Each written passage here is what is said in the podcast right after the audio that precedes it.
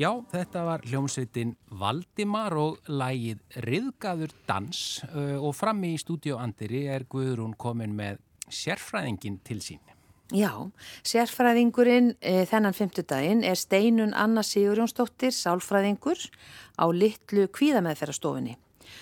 Og við ætlum að tala um börn og kvíða og hún ætlar að svara nokkrum spurningum sem við höfum fengið sendar frá hlustendum og við ætlum svona að tala svolítið kannski bara almennt um börn og kvíða og kannski þetta ofinilega ástand e, í COVID e, og kannski byrjum að því og tökum spurningarnar á eftir. Steinu, þetta er náttúrulega það sem ert að fást við alla daga.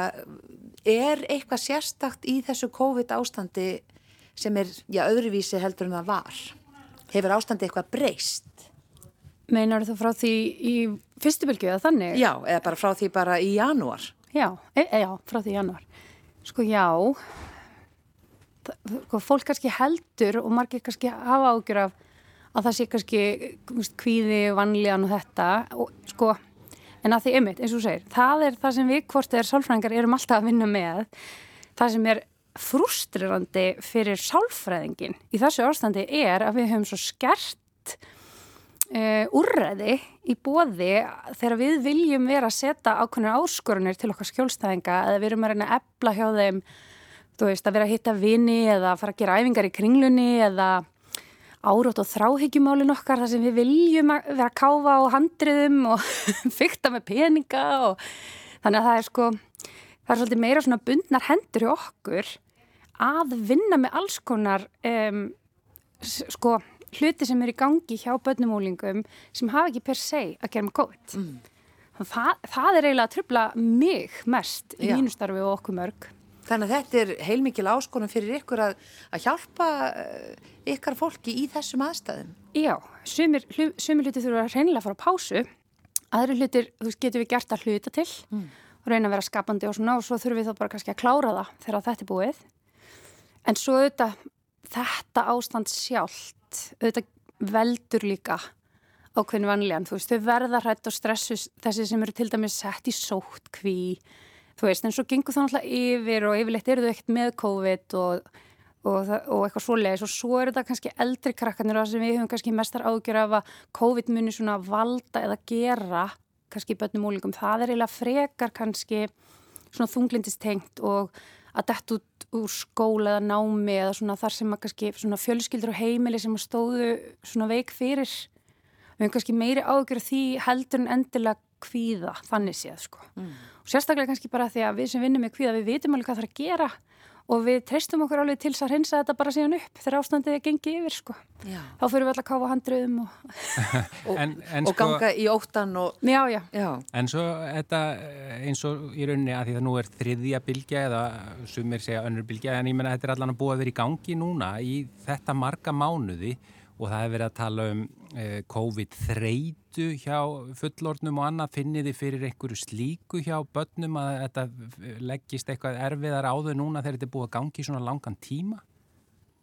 Já, já, já, Vist, þau eru orðin mjög þreytt á þessu eins og við fullornum fólkið. En, en hérna það er ekki endla það sem að þau eru að svo mikið ræða við okkurum þú veist, þegar þau eru að koma til okkar þá eru þau samt miklu meira bara að pæla í því sem er í gangi samt í þeirra lífi og þeirra vinnamálu með að námi eða einhverjar áhegjur eða aðri hlutir. Þannig að það, neginn, það fer ekki neitt rosalega mikið upp á borð allan að ekki svona hjá mínum kollegum með þú veist, börnin og úlíkan ungmennin. Jú, ungmennin, þú veist, þessi sem eru þú veist, þetta er, þetta er meira held ég svona allt þetta að dölt líf mentskjælingarnir og uppur sem eru virkilega að finna fyrir bara svona alls konar, þú veist, skerðingu á lífsgæðum og að, aðganga vinum og maður finnir náttúrulega sérstaklega til með busunum. Já, þegar fólki er svona, eða krakkarnir eru að koma inn á fullorins árin, þá verður það að finna Já. meira fyrir þessu. Mm. Já. Þannig að það er þessi svona félagslega einangrun sem, sem getur haft ímis uh, vandamál í för með sér Já, og, og kannski mikil... hlutinni fljótir að gerast. Þar. Já, það er svo mikil partur að geð heilbriði að hitta fólk og veist, komast út úr húsi og geta sendt tómstundum áhugamálum, reyfa sig veist, og þarna kannski veist, kannski eru við með smá kynslu þarna svona, ég þannig að leiðilega kellingin alltaf að tala um tölvukynnslóðuna en, en þarna er kannski ákveðin kynnslóð sem að þú veist, jújú, tölvan er svo sem er þá í bóði en ekki kannski með kannski eru við aðeins úræðabetri við sem erum þó ennþá eldri með hluti sem hægt er að gera þó þessi COVID þegar það er búið að taka alltaf þessar svona augljósu hluti burtu mm. eins og verslanir eða veitikastæði eða eitthvað að hérna þú veist að við erum að þurfa einhvern veginn að fara í þú veist hvað eru við, þú veist ég byrja að prjóna skilji, prjónaði trefil og eitthvað, þú veist við gerum þetta eitthvað er ég með púsla, fjallgöngur eða eitthvað en ég veit ekki alveg sko, yngra fólki er ekki, það er ekki alveg þarna kannski. Mm. Þannig við þurfum að leið, leiðbina þeim eða svona hjálpa þeim að finna eitthvað. Já. Fástu með í að prjóna? Já, nákvæmlega. Er, en þau eru betur en við í, þú veist, hérna, online board game eða, þú veist, Kahoot og eitthvað, þú veist, og það er einhver, hérna, Skype-partíin í Herbyggi hjá dóttu minni, þú veist, að tala við vinnina og þetta, sko. Já, tölvuleikir og samskipti. En Já. Það þarf að hugsa svolítið út fyrir bóksið á þessum tímum. Það er kannski Já. það sem þetta kennir manni líka og, og þá krökkunum í leiðinni en uh, nú erum við ofta að tala um og hefur verið mikið talað um einmitt uh, hjá sálfræðingum seglu, það þrautsegjan og segla uh, hafa eða búa krakkarnir yfir þessum eiginleikum kannski í meira magni en þið áttu vona á í, bara á þessum tímum? Ég, ég myndi allavega alltaf segja að þú veist þegar við tökumst á við eitthvað verkefni sem er kannski stærri en við höldum við getum það er alltaf tækifæri fyrir okkur að vaksa upp í áskoranir. Og það hefur alveg verið hluti kannski af ákunnilega og sjálfsmættið að kvíða hjá kannski yngra fólki er kannski að við erum búin að gera margt svolítið auðveldara fyrir þau og höfum kannski stýttum skrefin. Þannig að veist, ég held að það séu fullt af ungu fólki í dag og, og að þessar aðstæður bjóði alveg upp á áskoranir sem við getum vaksið upp í og þau getum vaksið upp í. Já En sko ef við leggjum aðeins COVID til hliðar að því að líka bara út frá þeim spurningum sem við fengum sendar, þær hafa nú ekki með COVID að gera, heldur bara Nei, með almenna svona hérna, líðan uh, ungs Já, fólks. Og, og þá þið hjá litlu kvíðameðferðarstofunni, ég menna hvað er svona, er það kvíði eða þunglindi fyrir þetta eftir aldri hjá krökkonum, ég menna hvað er svona helstu málinn? Sko, já það bæði kannski breytilegt eftir aldri hjá kannski tíjar og yngri fáum við mikið af myrkvælni, aðskilnaða kvíða, svona sértækfælni eins og að vera hrættu við hunda eða, eða geituga eða kongulæri eða eitthvað svo les. Um, er við líka við að sopna, viðstu, vera að heiman og alls konar þannig geta líka verið hlutir eins og árat og þráikja eða og svo fáum við náttúrulega til dæmis ef það eru skilnaður í gangi eða veikind eða erfilegar í fjölskyldu þá getur við verið að fá börn á öllum aldri eins með þá ef það hafa verið einhver áföll það getur auðvitað verið hjá börnum á öllum aldri um, upp úr svona 10-12 eða kannski 12-13 ára. Veist, þá fyrir félagskviðin að koma svolítið sterkur inn og þannig að við fáum mikið af svona 13 og upp úr með félagskviða. Og það er eins bara hjá fullotnum sem eru að vinna með kviða þá fáum við mikið fullotna með félagskviða. Mm. uh, og árat og þrákja uh, eru við að fá, já, á öllum aldrei almenn kviðaröskun þegar þau eru yngri þá eru þau þetta svona einmitt smá aðskilna kviði, ágiboltar rosa hérna svona, svolítið, svona vandvirk og samvinskusum og passa sig að mæta alltaf á réttum tíma. Og svo svona eftir þess að þau verða eldri ef þau eru enn að glýma við þetta þá er þetta orðið svona, þetta ósjálfstæði verður svo augljóst. Svona í mentaskóla svona, og þetta eru stelpur eru í, það eru fleiri stelpur með þessa kvíra svona strákar. Þá er þetta svona þessar sem að gera allt með þessari einu bestu vinkunni eða tveimur og eru svo ábyrðafullar og ekkert tjamma þeim og hann er alltaf búin að finna út hver allar skutla hverjum og fara heim á réttum tíma og ofisöldverkefni og og svo leiðis látt sjálfsmatt auðvitað líka upp úr úlingsárum og mikið svona ungt fullari fólk með það og þunglindið. Yfirleitt eru við ekki að sjá þunglindi verða á vandamál fyrir svona upp úr 13-14 um, þegar það er hjá yngri krökkunum allavega svona bara klíníska reynsla ég ætla ekki að fara að vitna í rannsóknir um þetta en þetta er sjálfgeft hjá börnum undir sagt, úlingsárum og þá er það yfirleitt freka vegna að það er eitthvað tölvert uh, mikið erfitt í gangi hjá þeim. Já eða eitthvað svona óbúsli vannvirkni, þú veist, þar sem að aðstæður hafa eitthvað einn skapast þannig að þau hafa bara eitthvað einn einograst mikið heima. Mm, einmitt. Og hvernig svona, finnst ykkur þetta að vera aukast eða? Já, við höfum mest ágjur af þunglindahóknum, sko.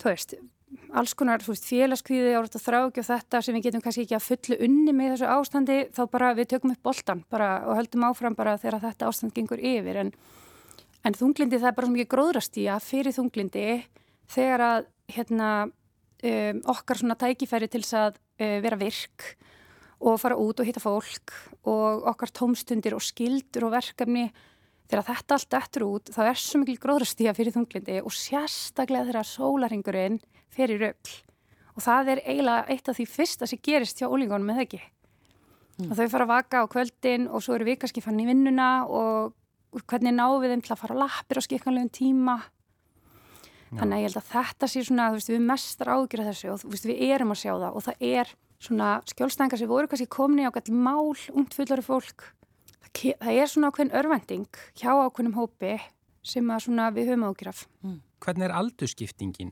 eh, í, hjá ykkar skjólstæðingum eh, sem að koma á litlu kviða með fyrir stofana? Hva, hvað er sko, stærsti aldurshópurinn?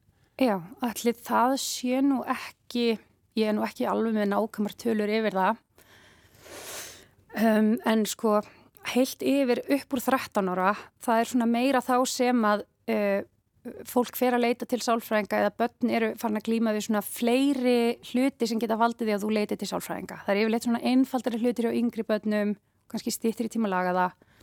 Þannig að svona stærsti aldursóparinn okkar er sennilega svona 14 til svona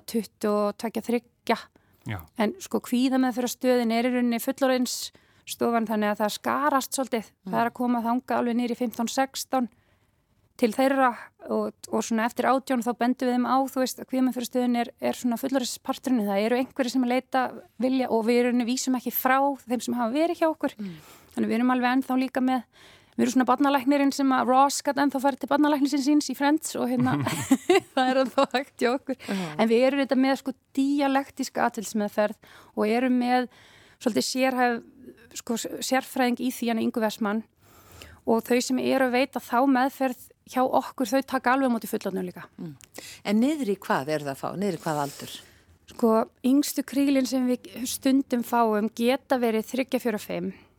Það er þá þú veist, þá hefur eitthvað svona, þú veist, stundum er það bara smá ráðgjöfti fóreldra, það geta verið eitthvað áfallamál, þú veist, eitthvað svo les, en yfirleitt er það nú, er þau ekki, þú veist, sko, átt ára, nýjára, tíjára, mm. það er alveg slatti þar og svo alltaf sjöndubekkingarnir sem getur ekki verið á reiki á hverjum einasta vetri. Já, já, þekki það. Já, já, og svo er svona, þú veist, þegar Conjuring myndina voru, þá komuðu alveg í strömlum að fá aðstofvarandi Annabelle. Býtu, hvað er þetta? Það... Við, við veitum ekkert hvað Conjuring og Annabelle Já, maður stætti Chucky úr Child's Play? Eh, já, eru þið ekki hryllings, hryllingstúkar Annabelle er, er nýju kynnslóðurinnar Chucky. Mm. já, já, já. og svo hefur það verið hérna Granny á YouTube og svo var það Momo og allt þetta þegar svona hluti, þú veist, við sjáum meiri sko, það kemur meiri svona bilgja af skjólstæðingum til okkar út af þessu heldur en COVID til dæmis. Já, já, já. Já, þú veist. Heyrðu en Steinun, uh, við ætlum að taka eitt lag núna já. og svo vindum við okkur í spurningar sem við fengið sendar frá hlustendum, já. þannig að hingraðu við þarna og við heyrum lag hér eftir Neil Young en í flutningi frábærs íslensks tónlistafólks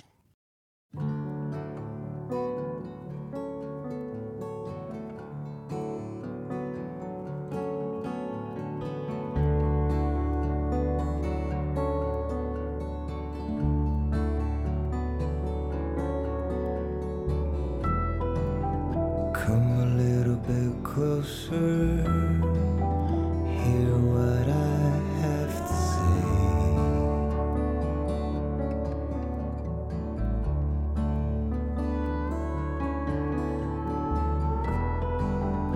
Just like children sleeping, we could dream this night away.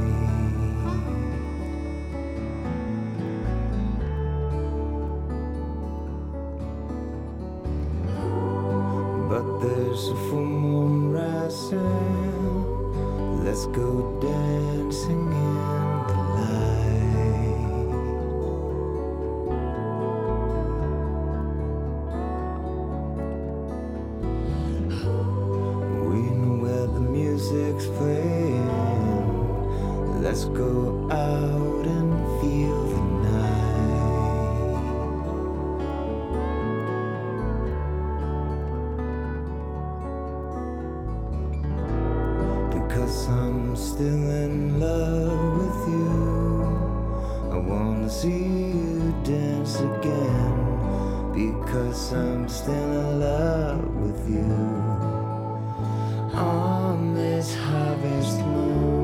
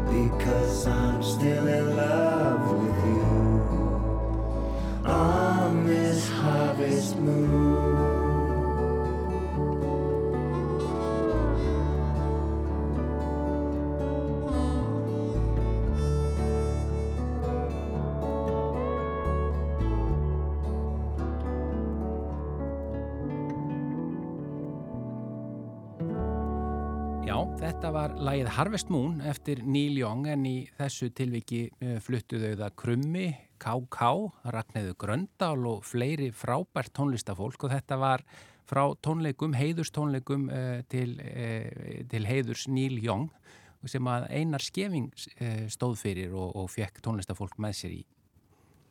Já, og við erum með sérfræðingin í mannlega þættunum, það er jú 50 dagur og sérfræðingurinn að þessu sinni er Steinun Anna Sigurjónsdóttir, sálfræðingur á litlu kvíða meðferða stöðinni og við erum að tala um börn og ungmenni og kvíða og nú er komið að því að fara hans yfir spurningarnar.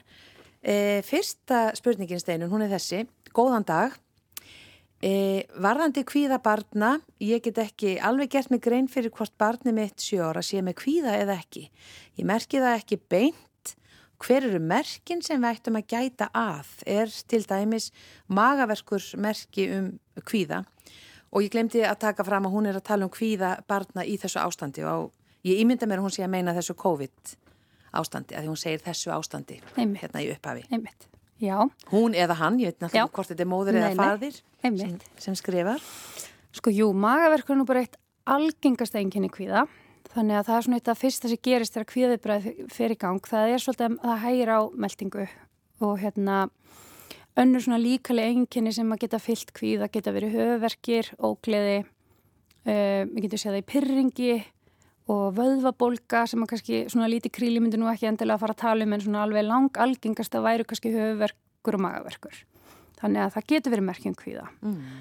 Um, það sem maður er kannski að spá í með eins og á þess svona unga, unga krakka Sjóra, já, sjóra í þessu ástandi væri það annars vegar bara einmitt ef, væri, ef þú færir að verða vör við ykkur ákveðin líkali enginni sem hafa ekki áður verið í gangi og þá eins um, þú veist, eru þau, eru þau að byrtast sérstaklega, þú veist, ef það er alltaf höfuverkur á sunnudaskvöldi eða á mótnana fyrir skólan eða, og ef þetta er eitthvað svona sem að hverfi svo í fríum eða, eða alltaf þegar það á að fara á fókbaltæfingu eða eitthvað svona, mm. þú veist, að þá oft líka fyrir maður frekar að hugsa kvíði heldur en eitthvað annað, þú veist, passa ykkur samt, þú veist, bæði viljum við ekki, við viljum alltaf hafa kvíða sem mögulega skýringu ekki bara fara í líkamlegar aðrar orsakir en á sama hátt viljum við heldur ekki afgreða öll, alla líkamlegar umkvartanir sem kvíða, sem gætu verið eitthvað allt, allt annað. En ég myndi kannski freka líka bara þá pæli fyrir þannan aldur hvort það er eitthvað breytingar á hegðun. Mm. Og kannski skrifa hjá sér hvenar ég barni kvartar? Já, ef þetta er eitthvað sem þú ert farin að þú veist, telur að sé ágjalla oft og þú ert farin að spá í að þetta gæti verið merkið til dæmis um kvíða. Þá myndur þú einmitt vilja skráða svolítið niður Já. af því að það er oft alls konar svona minnstur sem við áttum okkur ekkit á í gangi. En hvað var það breytingar á hegðun sem gætu gefið til kynna kvíða, þá væri það, og ef, ef, í þessu ástandi, þá er það badd sem fer að verða of upptikið af spritti og handþvætti, of upptikið af einhverju fjarlæð við annað fólk eða grímunótkun, fyrir sjóra badd það á ekki að vera of upptikið af því.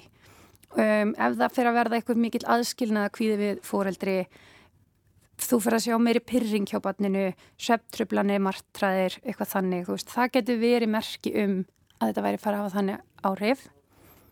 Ef þú ert ekki að sjá þessa hluti eða þetta er að gerast eitthvað, veist, eitthvað aðeins meiri pyrringur en áður, en heilt yfir er þetta bara alveg sama barn fyrir og eftir COVID, þá, er, veist, þá þurfum við ekki að vera að oftúlka það því að það er líka mjög eðlert að sjóra bat sé ekkit vola mikið að spá í þessu nema bara akkurat í augnablikinu sem það skerðir einhver lífskeiði hjá því. Já, nefnitt Er ekki bara næsta spurning? Jú, Já, ekki spurning. Hér er einn, komið sæl ég á dóttur sem er í grunnskóla en er að komast á úlingastík Hún er farin að hafa miklar ávíkjur af áliti annara á sjálfur sér. Hún er samfarið með krökkum sem eru með henni í bekk líka ekki nógu vel við hana, vilja ekki leika við hana og svo framvegis Ég held að þetta sé ekki rétt þar að segja að hún virðist eiga talsvöld af vinum og hefur alltaf verið mjög félagslega sterk en undanfarið rúmt ár hefur hún farið að evast um sjálfa sig. Hún er alltaf að lesa inn í aðstæður og hegðun vina sinna og virðist tólka alla hegðun vina sinna á þann hátt að þeim finnst hún ekki skemmtilega eða vilja ekki vera með henni. Sem betur fyrir hefur hún alveg vilja ræða þetta við okkur foreldrana en það virðist samt ekki hjálpa því þetta kemur ítrekkað upp og veldur henni vanlíðan. Hvað er til ráða? Já, sko félagskvíðaröskun, þetta hljómur þess að þetta gæti verið allavega félagskvíði og við myndum kalla það félagskvíðaröskun ef að matsálfræðings er þannig að þetta sé orðið töluvert mikil kvíði sem er í töluvert mörgum aðstæðum og er farin að stýra svolítið og stjórna hegðun hjá hérna viðkomandi. Um, hann byrjar yfirleitt í kringum þennan aldur og félagskviði snýst annars vegar um samskiptakviða sem eru áhyggjur af því að segja eitthvað kjánlegt eða heimskulegt eða, eða á ég að helsa þér eða ekki ef þú ert kunningi minn. Og hvað, hva, þú veist, vá, ég trú ekki að hafa satt blæ á þann, ég ætlaði að segja bless og svo sagði ég að ert blæ eða eitthvað, típist, ég var einsunni með það. Og hérna e, og svo hins vegar þá framistöðu kviða sem er þá þetta ég vil ekki tala fyrir saman aðra eða ég vil ekki spyrja spurningi tímum eða ég vil ekki að borða eða skrifa og ég get ekki hugsað mér að lappa inn í herbyggi það sem aðrir eru. Af því ég, ég, ég ræði ekki við þetta þegar aðtikli hjarðarinnar snýst að mér. Og þess að félagskvíð er yfirleitt svona samsett úr báðum svona þessum kvíðan getur verið fyrst og fremst öðru hverju megin. Um, við sjáum líka að þú ert með almenna kvíðaröskun þá er það svona þannig bann fyrir, þá fara áðuginnar að snúast um svona félagslega hluti álingsárum en þá fyrir er þetta eitthvað sem er kannski síðan hún var töluvert yngri búin að vera svona alltaf svolítið ofursamvinskusum áhugibolti og hefur þá líka áhugjur af COVID áhugjur af þú veist, svona áhyggjur fyrir hönd annara, þú veist, og mikið að taka inn á sig vinkunudrama og reyna að leysa úr því og áhyggjur af ömu afa eða myrkfælni eða eitthvað þannig. Já. Hvoru, hvoru tilfelli fyrir sig þá er þetta eitthvað sem sálfræðingar uh, sem að sérhafa sig að kunna vinna með félagskviða eða almenna kviðaröskun gætu skori úrum er þetta þetta og þú veist, ef þetta er ekki alveg einhver röskun þá er þetta samt svona þessi tegund. Mm. Myndur að mæla með því að, að fara með já, þetta barn í greiningu eða sko, í eitt tíma til þess að Ef hún er farin að, ef þetta er farin að bremsa hana já. ef hún er farin að draga sér hlið og ekki gera það sem hana langar og ekki að leggja að hitta vinina og það er að fara að tröfla svefn að þá, þá getur við bara stitt flestir vaksa upp úr félagskviða. Um, en ekki allir. Það er alveg hægt að vera 60-70 og þetta er búið að hamla þér alla því næfi En við sjáum samt að sálfræði meðferð við uh, líka, þessu, líka eins og með almenna kvíðaröskun. Þá erum við samt að flýta fyrir því og við erum svolítið að beina einhverju minna og hinn að rétti braud til að í rauninni vaksa upp úr því sem fyrst. Mm. Þannig að þetta er alveg eitthvað sem að mætti sko fara bara í hérna, allavega í eitt viðtal og bara fá mat á. Já, einmitt já. mat, þannig kannski það sem ég já. meinti frekar en greiningu. Já. Uh, en já, allir þetta sé ekki bara þið besta svar. Já og uh, hér kemur önnur spurning. Uh, Sælsteinun, uh, ég á dóttur sem er 11 ára og er mjög kvíðin og hefur alltaf verið að held ég. Ég hef reyndi ímislegt til að hjálpa sálfræðingur og jóka og fleira en hún vil aldrei fara aftur eftir eitt skipti og ég hef ekki vilja pínana í eitthvað sem veldur henni vanliðan þannig við erum ekki í raun að gera neitt til að laga þetta. Um, það gengur ágætlega samt í skólanum en samt koma tíma sem hún fær að koma heim af því hún er kvíðin. Getur verið að hún sé líka að nota þetta einhvern veginn til að fá sínu fram eða stjórna okkur fórildrónum og, eh, og hvernig get ég komið henni til sálfræðings ef hún vill ekki fara? Já, einmitt. Sko, almennt er það þannig ef að, ef að barn er að fara úr skóla og gefur upp skýringuna kvíði um, þú veist þá er það yfirleitt ekki eitthvað rosalega útpælt. Þú veist, jújú, jú, ef að þú veist, ef að þegar ég kem heim til mín ég má borða allt að namni sig vel og liggja bara í sjónvarpinu og ég hef rosalega látt þól fyrir hérna að gera leðilega hluti að þá svo sem gætið alveg verið einhvern veginn þannig. En yfirleitt jafnvel þegar börn eru einhvern veginn að reyna að stjórna sínum aðstæðum með því að nota einhverjar kannski ástæður sem er ekki alveg réttar til að koma sér úr aðstæðum þá er samt eitthvað þar sem þarf að skoða það er samt eitthvað að valda kvíð og vanlíðan þannig að þau eru yfirleitt ekki svona rosalegir masterminds hérna þó þau virkið það nú alveg sko. En hérna ég myndi sko segja sko eh, ef að sagt, móðurinn eh, fekk að fara með inn í viðtalið og veit svona cirka mögulega hvað gerðist annarkvært hvaða típa var þetta sem barni talaði við eða voru gerðar eitthvað kröfur á þetta barn eða getur barnið eða úlingurinn uh, sagt hva, hvað húnum eða henni mislíkaði? Þá er hægt að hérna, útskýra líka bara fyrir börnum að sálfræðingar eru bara eins og annað fólk rosalega mismunandi. Og ef maður hugsa bara um alla kennara sem maður hefur höllumins haft sem barn á þessum aldri hvað eru ótrúlega ólíkir og það er líka bara hluta því að maður þarf að finna eitthvað sem er gott match. Er þetta, hendar þér að vera hjá kalliða konu? Á hún að vera gumulega ung? Á hún að vera rosa hress? Á hún að vera svolítið ákveðin, þarftu blíðatýpu yfirleitt vital krakkar alveg hvað er mislíkaði við viðkomandi og það er þetta að velja eitthvað aðeins aðra týpu og hérna og bara jafnvel láta þannig að vita að bara hún hefur farið áður mm. og þetta gerist í tíma eða, eða það virkaði ekki og við höldum að setja hér þannig að þú veist, það er eitt mm. og svo myndi ég sko kannski ég myndi kannski prófa að leggja þannig upp ef þetta væri til og meins bara mitt barn þú veist, að ástu mín, ef þú ert með kvíða og ef hann er að valda því að þú getur ekki farið í skólan, þá er það bara eitthvað sem þarf að sinna og það er, ekkit, það er alls konar hluti sem þarf að sinna sem er ekkit endilega þægilega skemmtilegir. Ef þú fær skemmt í tönn þá þarfst að vera til tannlæknis, ef þú fær lús þá þarf að kempa þér hárið, ef þú ert með kvíða og getur ekki mætt í skólan, þá þarfst að fara til sálfræðings.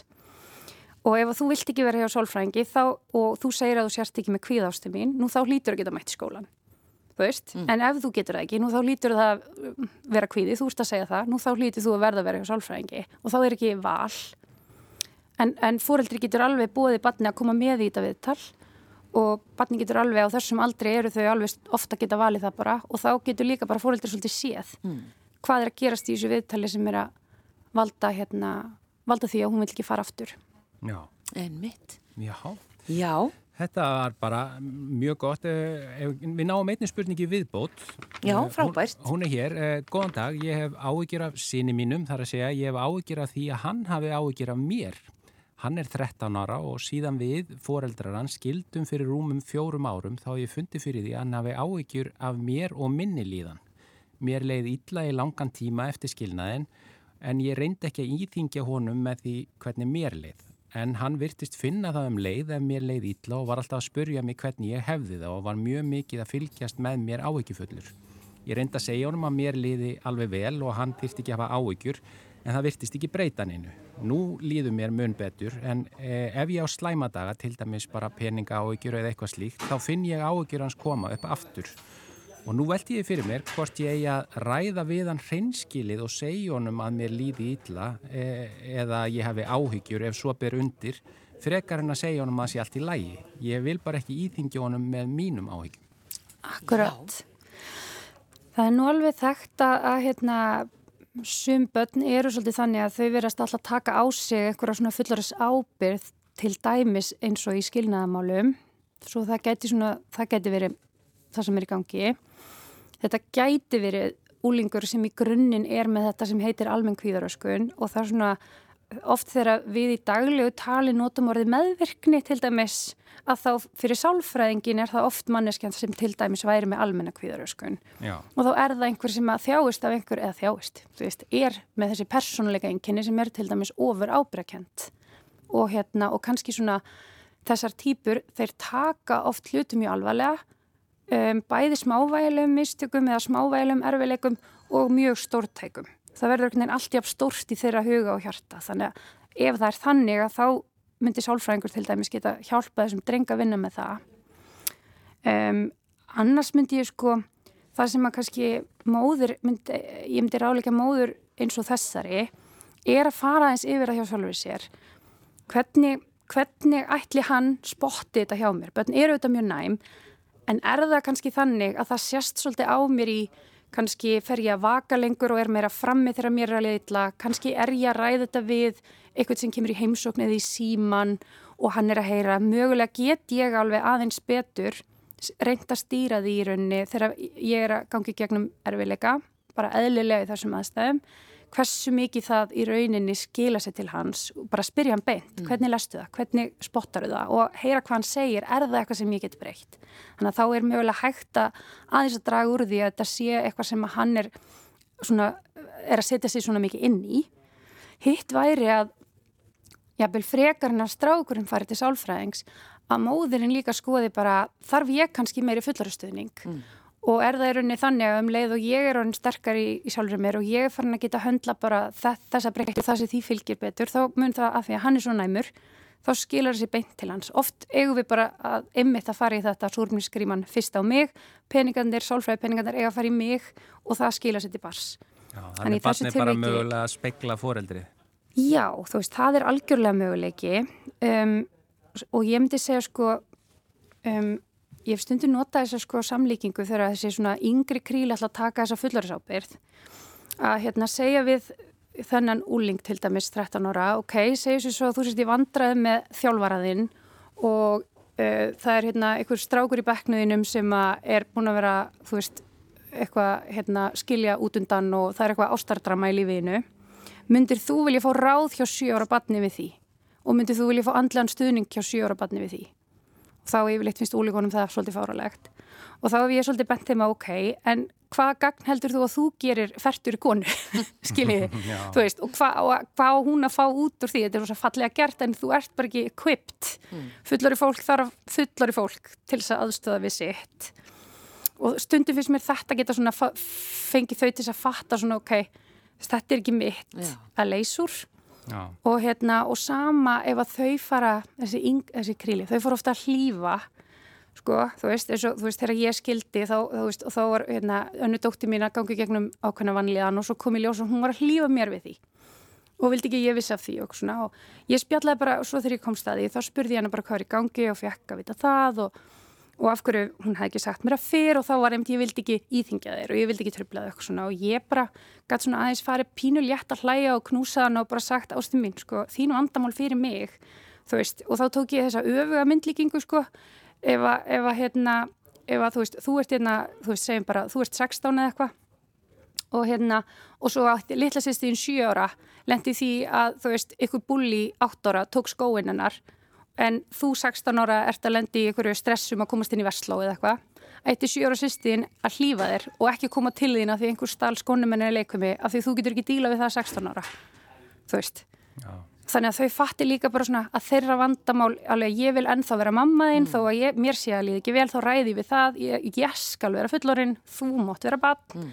Svo verður þú fullorinn, þá mótt þú þegar þú skilur, þegar þú verður fullorinn þá getur þú díla við það Já. og lifa börnunum þín með vera börn Þannig að það er spurningin um að taka þetta eða eiga þetta samtal. Já. Og það sko, er alltaf betra en að, en að eiga ekki samtali. Já og heyra hvað, sko þau geta heyrst að við séum með kannski fjárasákjur og við erum það oft. En þegar maður spyrðu, hvað, og, ég, þetta, ég hef oft fengið þetta með skjólstæðinga mínir börnir sem eru hjá mér og eru kannski af ágjur einmitt af fóröldrum, einmitt svona skilnar aðstæður og eitthvað. Og ég er að spyrja hverju þau hafa ágjur af. Og þau eru bara andvaka af áhyggjum af til dæmis fjármálum. Og svo hef ég kannski spurt fólkdrarna, já, ég eru það að fara að missa húsið? Eða eitthvað, og það, neini, þið viti hvernig þetta er. Það eru svo oft fjárhags hérna, áhyggjur sem eru samt ekki nærið því eins og krakkin ímynda sér. Þannig að spyrjaðu líka hvað ertu nákvæmlega áhyggjur af? Mm. hvað ertu nákvæmlega sjá fyrir þér og heldur ekki séð mögulega að fara að gerast? Sem betur fyrir oft getur við alveg leiðrétt það sko. Já. Herðu, en þakka er kærlega fyrir Steinun Anna, við getum aldrei áfram að tala miklu lengur við þig en, já, já, já. en þetta eru frábær svör við spurningum hlustenda Eh, þakkaði fyrir að vera sérfræðingur mannlega þáttarins í þetta sinn Steinun Anna Sigjónsdóttir, sálfræðingur á litlu kvíða meðferðastöðinni. Takk.